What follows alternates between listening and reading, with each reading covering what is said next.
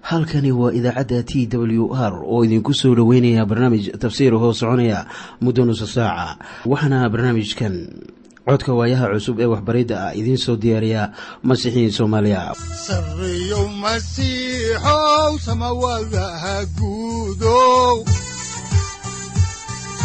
Siraadkii adduunkow subanaha eebow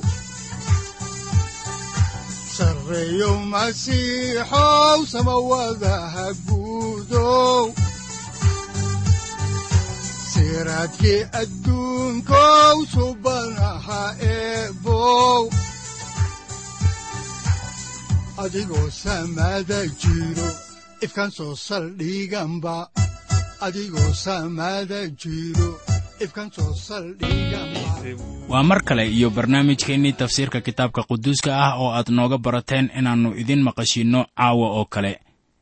Waxaannu horay idinku sii wadi doonnaa taxanihii la magac baxay baibalka dhammaantii oo caawa aynu idinku bilaabi doonno kitaabka saddexaad ee muuse oo loo yaqaanno laawiyiinta.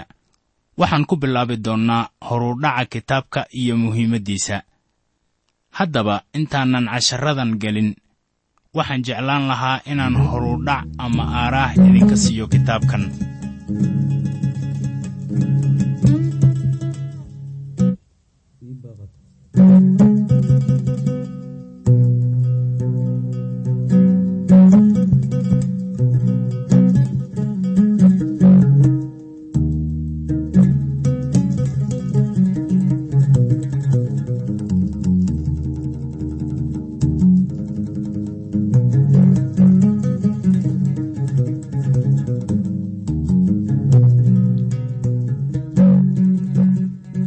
waxaan anigu haatan u haystaa in kitaabkanu uu yahay midka ugu muhiimsan baibalka sannado ka hor ayaan akhriyey warbixin uu qoray doctor kelog markaasoo uu lahaa waxaan u qaatay kitaabka laawiyiinta inuu yahay kan ugu muhiimadda weyn kutubta baibalka waxaan dareensanahay in hadalkaas uu ahaa mid uu iska hubiyey waa marka uu leeyahay kitaabkan ayaa ah kan ugu ahmiyadda weyn marka la eego kutubta baibalka dabeetana waxaan maqlay wacdiye reer memfis ahaa waa gobolka tennessee oo la yidhaahdo albert c. Dadley oo leh kitaabka laawiyiinta waa kitaabka ugu qaayaha weyn baibalka sannado badan ka hor ayaan sameeyey tijaabo ku saabsan barnaamijyada idaacadaha oo sida daacadda ahna ma aanan garanaynin waxa dhici doona. Waxaan bilaabay inaan dadka baro kitaabkan.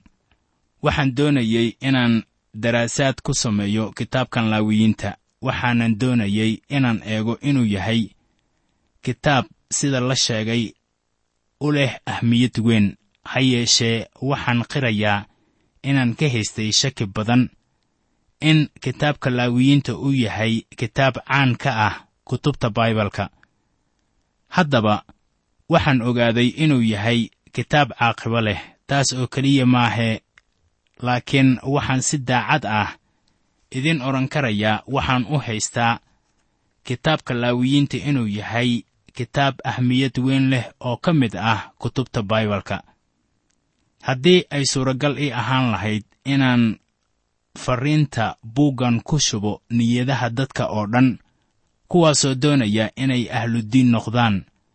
Bidcinnimada iyo shuucinnimadu way dhammaan lahayd. Aqoonta kitaabkan ayaa taas hirgelinaya. Haddaba kitaabkan waxaa qoray nebi muuse. Kitaabkanu wuxuu ka mid yahay shanta buug ee ugu horreeya ee kitaabka baibalka oo loo yaqaanno the bentetuj oo dhammaantood uu qoray nebi muuse oo ahaa addoonkii rabbiga. Kitaabkan laawiyiinta ayaa reer banu israa'iil waxaa bartilmaameed u noqonaya buur siinay kitaabku wuxuu ku furmayaa oo uu haddana ku xirmayaa iyagoo jooga hal meel waana buur siinay meeshaasi halkaasoo ilaah sharciga uu ku bixinayo ama siinayo reer banu israa'iil. Waxaad xusuusataan in kitaabka baxniintii aynu ku soo gunaanadnay dhismaha taambuugga taasoo u dhacday si waafaqsan tusmadii ilaah iyo taambuuggii oo ay ka buuxsantay ammaanta ilaah. Haddaba kitaabkan laawiyiinta wuxuu halkii ka sii wadayaa amarada iyo shuruudda caabudidda marka lagu jiro taambuugga. Laawiyiinta waa kitaab weyn oo ku saabsan caabudista. Kitaabku wuxuu ku furmayaa kelmadda cibraaniga ah ee la yidhaahdo vayikrah oo macnaheedu u yahay oo wuu u yeedhay ilaah ayaa haatan soo gelaya taambuugga oo halkaas ayuu ka hadlayaa ka hadli maayo buur siinay dadka ayuuse ugu yeedhayaa inay taambuugga kula kulmaan. Wuxuu u sheegayaa sida ay ugu imaanayaan iyo sida ay hortiisa ugu soconayaan. Macnaha rasmiga ah ee kiniisadda wacdiyaha ayaa noqonaya kuwa loo yeedhay maalintaas ilaah wuxuu ka hadlayaa taambuugga oo wuxuu dadka weydinayaa inay u yimaadaan. Maanta ciise ayaa inoo yeedhaya innaga wuxuuna leeyahay idahaygu waxay maqlaan codkayga sida ku qoran injiilka sida yooxanaa uu u qoray cutubka tobanaad aayadda toddoba iyo labaatanaad. Markaana kitaabkan wuxuu inoo hayaa farriin la yaab leh innaga. Dhegaystayaal iminkana aynu ka hadalno danniga ama ujeeddada. Haddaba kitaabkan laawiyiinta waa kitaab ka hadlaya caabudista ilaah sida qurbaanka adeegyada camallada quduusnimada sharciga nadiifinta shirarka maalmaha ciidaha dhowrista waajibaadyada shuruudaha iyo digniinno. Layliyadaas muuqda oo dhan ayaa laynoo siiyey waxbaridda runta rabbaaniga ah. Bawlos ayaa leh sida ku qoran warqaddii koowaad ee reer korintos cutubka tobanaad aayadda kow iyo tobanaad sida tan. Waxyaalahaasi waxay iyaga ugu dhaceen masaal ahaan oo waxaa loo qoray in laynagu waaniyo innagoo wakhtiyada dhammaatinkoodii ina soo gaaray.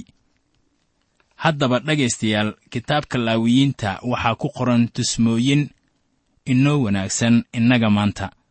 Waayo waxay tusmooyinku inoogu muujinayaan masiix si la yaab leh.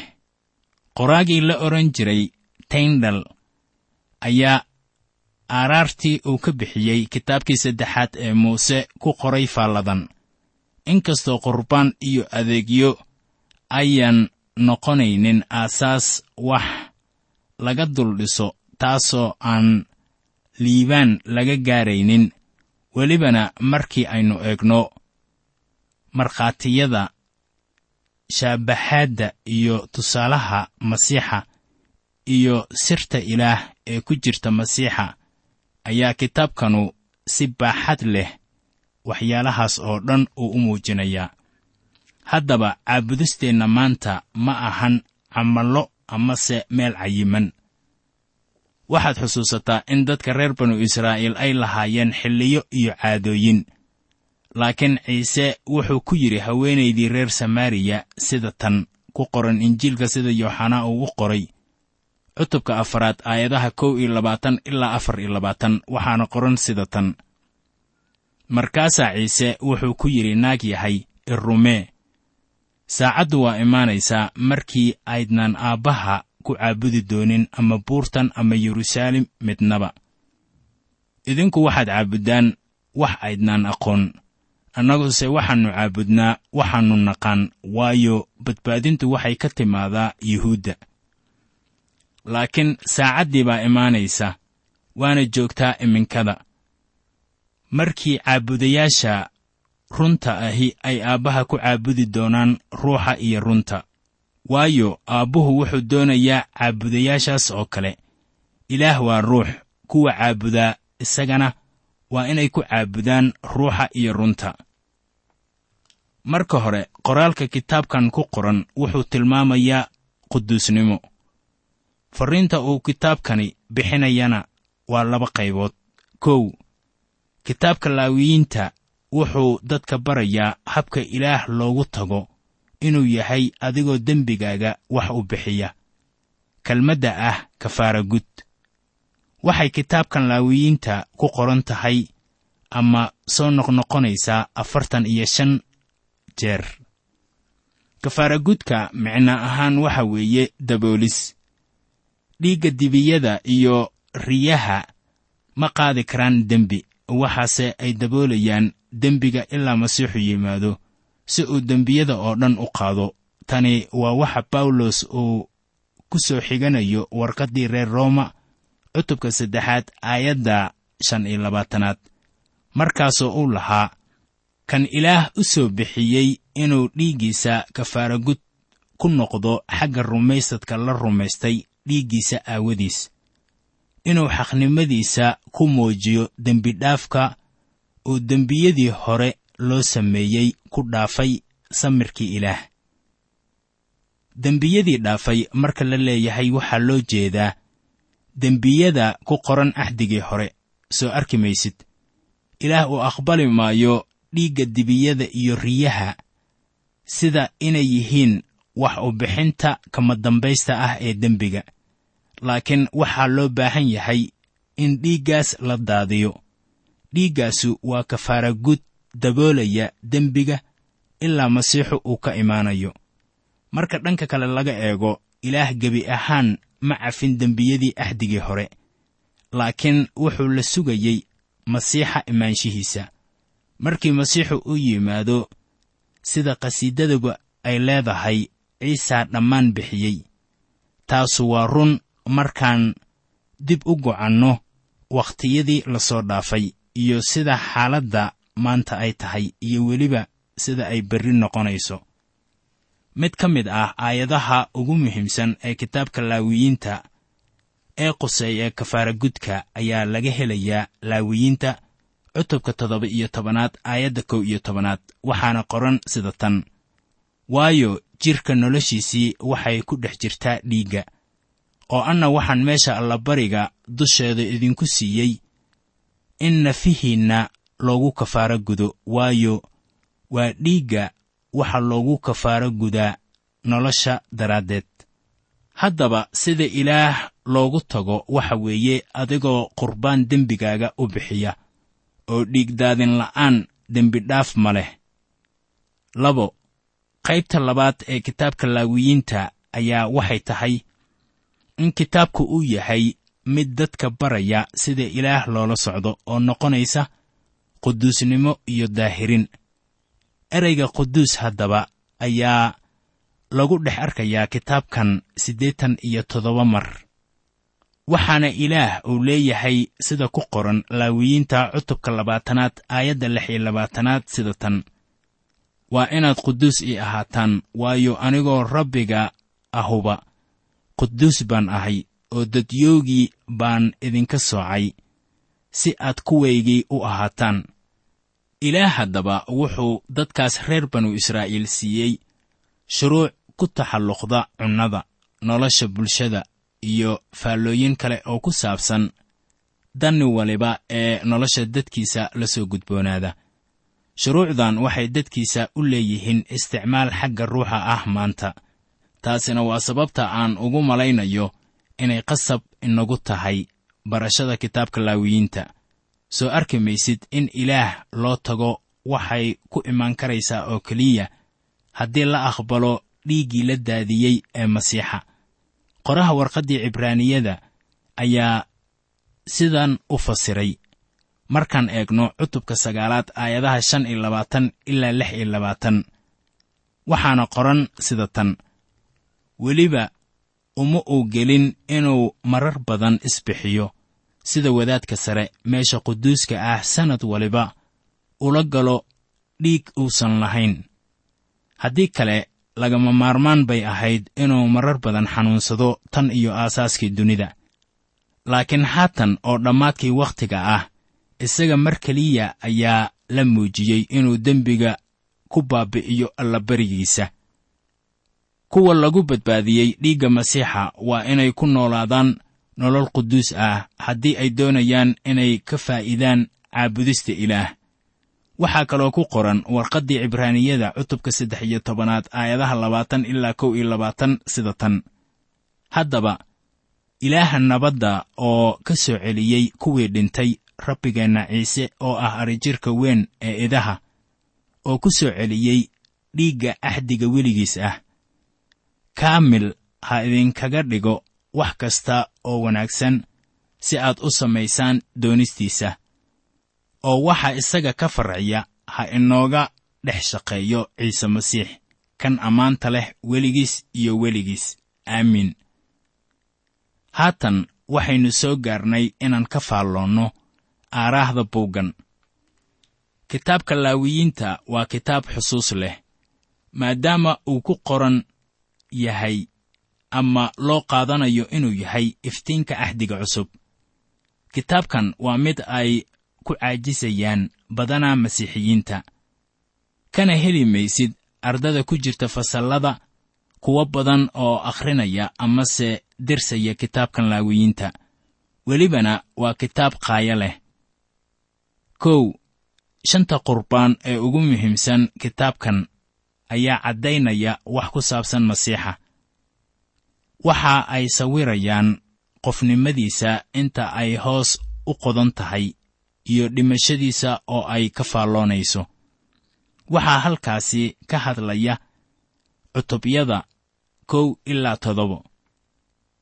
Labo daahirinta wadaaddada ayaa muujinaysaa sida fikiradeennu ayaan inoogu fillayn markaan eegayno daahirinta masiixiyiinta. Waxaana taasi ay ku qoran tahay cutubyada siddeed ilaa toban. Saddex cunnadii ilaah siiyey dadkiisa waa mid daahirsan oo la qorsheeyey. Waxaana ku jiray cunnada xagga ruuxa ee nafsaddeennu ay doonayso. Waxaana taasu ay ku qoran tahay cutubka kow iyo tobanaad. Afar waxaa diiradda la saarayaa hooyooyinka. Waxaanay taasu tusaale dheeraad ah u tahay fikirka ilaah uu ka qabo haweenka. Sida ku qoran cutubka laba iyo tobanaad shan. Sida dheer ee looga hadlay baraska iyo dawayntiisa oo ah waxa kitaabkan caabudista gundhig u ah ayaa dareenkeenna soo jiidanaya. Maxaa loo ballaariyey qisada qaybtan baraska. Kuwa la siiyey garashada dheer ee qorniinka ayay la tahay in dembiga iyo cawaaqibka uu ku yeelanayo dadka iyo xidhiirka ay ilaah la yeelanayaan inay sal u tahay. Haddaba daahirinta baraska waxay kaamilaysaa dhimashada iyo sarakicidda masiixa taasoo loogu muujiyey qurbaankii aan caadiga ahayn ee labada qooley sida ku qoran cutubyada saddex iyo toban ilaa shan iyo toban. Saaxib haddii adiga iyo anigu aan ka baxsanno hallaynta dembiga dunidan waxaan u baahan nahay inaan garanno wax badan oo ku saabsan dhimashada iyo sarakicidda masiixa iyo sida aynu ugu camalfalayno nolosheenna maalinta weyn ee kafaaragudka ayaa iyana ah sawir dheer oo ka hadlaya qurbaanka masiixa sida ku qoran cutubka lix iyo tobanaad. Toddobo muhiimadda halka qurbaanka lagu bixiyo ee naxaasta ah oo ka mid ah taambuugga ayaa inoo faahfaahinaysa calaamadaha aasaaska ah ee iskutallaabta sida ku qoran cutubka toddoba iyo tobanaad. Siddeed waxaa haddaba kitaabkanu uu adkaynayo ee ah faallada ku saabsan nolol maalmeedka dadka ilaah ayaa muujinaya sida ilaah uu ugu talagalay bini'aadanka inay tahay inuu ku dhex jiro ama ay wehel la ahaadaan sida ku qoran cutubka siddeed iyo toban ilaa laba iyo labaatan. Sagaal iskudarka iidaha ayaa shaaca ka qaadaya barnaamij waxyi ah oo quseeya danaha ilaah xilli waliba sida ku qoran cutubka saddex iyo labaatanaad. Toban sharciga ka hadlaya dhulka filistiin ayaa la imaanaya faallo ama tafaasiil ku saabsan taariikhdiisa iyo garasho ku saabsan sida uu ahaan doono mustaqbalka. Waxaa kaloo jira waxyo badan oo ku qoran kitaabkan. Qaranka israa'iil iyo dhulkii la ballan qaaday waa wax isku xidhan ilaa iyo weligeed sida ku qoran cutubyada afar iyo labaatan ilaa toddoba iyo labaatan. Iminkana aynu ka hadalno maaddada ah qurbaanka la gubo.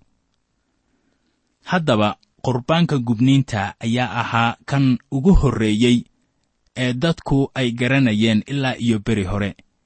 Waxaa qurbaankaasi bixiyey haabiil nebi nuux iyo nebi ibraahim. Waxaana qurbaannadaas oo dhan lagu bixinayey halka qurbaannada lagu bixiyo ee ka samaysan naxaasta. Laakiin maadaama lagu sameeyey qurbaannada halkaas ayaa halka allabariga ee naxaasta ah waxaa loogu yeeri jiray foornada gubniinka. Waxaana loogu magacdaray qurbaankaas. Qurbaankan ayaa ahaa kii koowaad shan qurbaan oo la bixinayey kaasoo la qoray iyadoo ay ugu wacan tahay ahmiyaddiisa iyo wakhtiga. Waxbixintan waa sawir tilmaamaya dhul ahaan iyo hoos ahaanba. Dhimashada masiixa. Qofku ma garan karayo macaaniga buuxa ee qurbaankan waayo waxaa horteenna la dhigay wixii ilaah oo ka dhex arkay masiixa. Innagu wax uma arki karayno sida ilaah uu wax u arko waxaanan halkan ku arkaynaa layaab qoto dheer oo ruuxa quduuska ah keliya uu muujin karayo. Qurbaanka guban wuxuu muujinayaa shakhsiyadda masiixa. Isagu waa kii galay booskeenna. Bawlos ayaa taana ku caddeeyey efesos cutubka shanaad aayadda labaad oo lahayd jacayl ku socda siduu masiixuba idin jeclaa oo uu nafsaddiisii inoogu bixiyey inuu ilaah u ahaado qurbaan iyo allabari oo uu ahaado caraf udgoon. Haatanna aan idin sheego waxyaabaha dersiyadeennu ay ka kooban yihiin waana sidan. Qurbaanka carafta udgoon ee sayidka shakhsiyadda masiixa cutubyada kow ilaa saddex. Qurbaanka gubniinka masiixa beddelkeenna ah waa xeerka allabariga qurbaanka aayadaha kow ilaa afar. Ba waxa weeyaan waajibaadka qurbaanka gubniinka oo ah aayadaha shan ilaa lix iyo toban. Ca waxa weeyaan asbaabta loo doonayo qurbaanka gubniinka oo ah aayadda toddoba iyo tobanaad. Da' waxa weeyaan sharciga qurbaanka gubniinta waa cutubka lixaad aayadaha siddeed ilaa saddex iyo toban.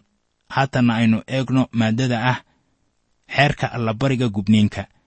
Haddaan markii ugu horraysay idiin bilowna xigashada kitaabka laawiyiinta ayaa waxaa ku qoran cutubka koowaad aayadda koowaad sida tan. Rabbigu wuxuu muuse uga yeedhay teendhadii shirka oo intuu la hadlay ayuu ku yidhi muxuu ku yidhi ilaah baa muuse uga yeedhay taambuugga haatan ka hadli maayo buur siinaay iyadoo hillaac iyo gugac laga maqlayo markii uu amarada u soo dhiibayey halkan muuse wuxuu uga yeedhay taambuugga si heshiis uu u dhex maro ilaah iyo dadka. Waxaa qoran rabbigu wuxuu muuse uga yeedhay teendhadii shirka. Yeedhistiisa waxay saamaynaysaa kuwa maqlaya codkiisa oo dhan taasina waa muhiim inaan aragno ilaah dad buu u yeedrayaa maanta si uu ula heshiiyo. Kiniisadda waa urur loo yeedhay oo kale waana la doortay waayo waa loo yeedhay waxaa ku qoran warqaddii koowaad ee rasuul bawlos uu u qoray dadka korintos cutubka koowaad aayadaha laba iyo labaatan ilaa afar iyo labaatan sida tan. In kastoo ay yuhuuddu calaamooyin doonaan oo gariigtuna ay xikmad doonaan annaguse waxaannu dadka ku wacdinnaa masiix oo isku tallaabta lagu qodbay oo u ah xagga yuhuudda wax lagu tarunturoodo. Xagga gariigtana u ah nacasnimo. Xagga kuwa loo yeedrayse ha ahaadeen yuhuudda ama gariigta masiix baa u ah xoogga ilaah iyo xikmadda ilaah. Marka la leeyahay kuwa loo yeedrayse ayaa taas loola jeedaa kuwa ilaah maqla. Waxay ka micno tahay kuwa maqla oo u jawaaba waxaan haddaba jeclaan lahaa inaan ku weydiiyo su'aal. Miyaad haddaba maqashay adigoo lagu yeedrayo oo aad jawaabtay? Haddaan halkii ka sii wadno kitaabka ayaa waxaan haatan akhrinaynaa cutubka koowaad aayadda labaad waxaana qoran sida tan. Reer banu israa'iil la hadal oo waxaad ku tidhaahdaa markii nin idinka mid ahu uu rabbiga qurbaan u bixinayo qurbaankiinna waxaad ku bixisaan xoolaha kuwaasoo ah loda iyo idaha. Waxaa la yidhi haddii nin cidduu doonayaba ha ahaadee uu doonayo inuu wax bixiyo. Marka waxay taasi saamaysaa qof waliba. Sidaan arkayno haddaan halkaasi ka sii wadno ayaa waxaa ku qoran kitaabka laawiyiinta aayadda saddexaad waa cutubka koowaade sida tan. Oo haddii qurbaankiisu uu yahay qurbaan la gubo oo lo ah waa inuu bixiyaa neefti lab oo aan iin lahayn oo waa inuu ku bixiyaa teendhada shirka iriddeeda si isaga rabbiga hortiisa loogu aqbalo. Marka la leeyahay waa inuu ku bixiyaa teendhada iriddeeda ayaa waxaan leeyahay tan waa qurbaan ikhtiyaar ah. Sayid ciise ayaa leh haddii nin uu harraado ha ii yimaado tanuna cid waliba ayaa ku jirta ee ka mid ah bini'aadmiga. Cidna lagama saarin balse waxaa ka maqan kuwa iska saaray iyaga qudhooda. Sayid ciise ayaa ina siinaya hal shuruud waxaana weeye haddii nin uu harraado waxaa laga yaabaa inaad tidhaahdo anigu ma oomani. Waa hagaag waxaa laga yaabaa inaanay casuumaddani ku qusaynin adiga. Laakiin haddii aad ooman tahay wuxuu ku weyddiisanayaa inaad isaga u timaado. Waxaad ka helaysaa qanacsanaan. Ishaaciyah ayaa soo qaatay casuumaddan markuu lahaa sida ku qoran. Kitaabka ishaaciyah cutubka shan iyo kontonaad aayadda koowaad sida tan. Hooy kuwiinna ooman oo dhammow xagga biyaha kaalaya xitaa kuwii aan lacag haysanow kaalaya wax iibsada oo wax cuna. Kaalaya oo kamri iyo caano lacag la'aan iyo iibla'aan ku qaata. Halkani waa t w r idaacadda t w r oo idinku leh ilaa ha idin barakeeyo oo ha idinku anfaco wixii aad caawi ka maqasheen barnaamijka. Waxaa barnaamijkan oo kalea aad ka maqli doontaan habeen dambe. Hadahan oo kale haddiise aad doonaysaan in aad fikirkiina ka dhiibataan wixii aad caawi maqasheen ayaad nagala soo xiriiri kartaan som t w r at t w r c o k e haddii aad doonaysaan in aad dejiisataan oo kaydsataan barnaamijka ama aad mar kale dhegaysataan fadlan mar kale booqo www t w r o r g. Amase waxaad teleefoonkaaga ku kaydsataa ama ku download garaysataa agabyada. Ku sahli karaa dhegeysiga t w r haddii aad doonayso in laga kaalmeeyo dhinacyada fahamka kitaabka amase aad u baahan tahay duco fadlan fariimahaaga soo mari bogga aaraahda ama kommentska inana jawaab deg deg ah ayaanu ku soo diri doonaa amase ku siin doonaaye.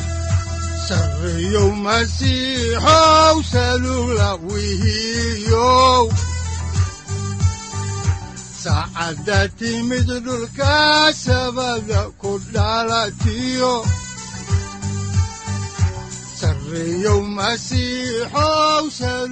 halkani waa t w r oo idiin rajaynaya habeen baraare iyo barwaaqaba leh inta aynu ka gaari doono wakhti aynu ku kulanno barnaamij la mida kan caawayay aad maqasheen waxa aan idinku leeyahay nabadda ciise masiix ha idinku badato xagga jidhka iyo ruuxaba aamiin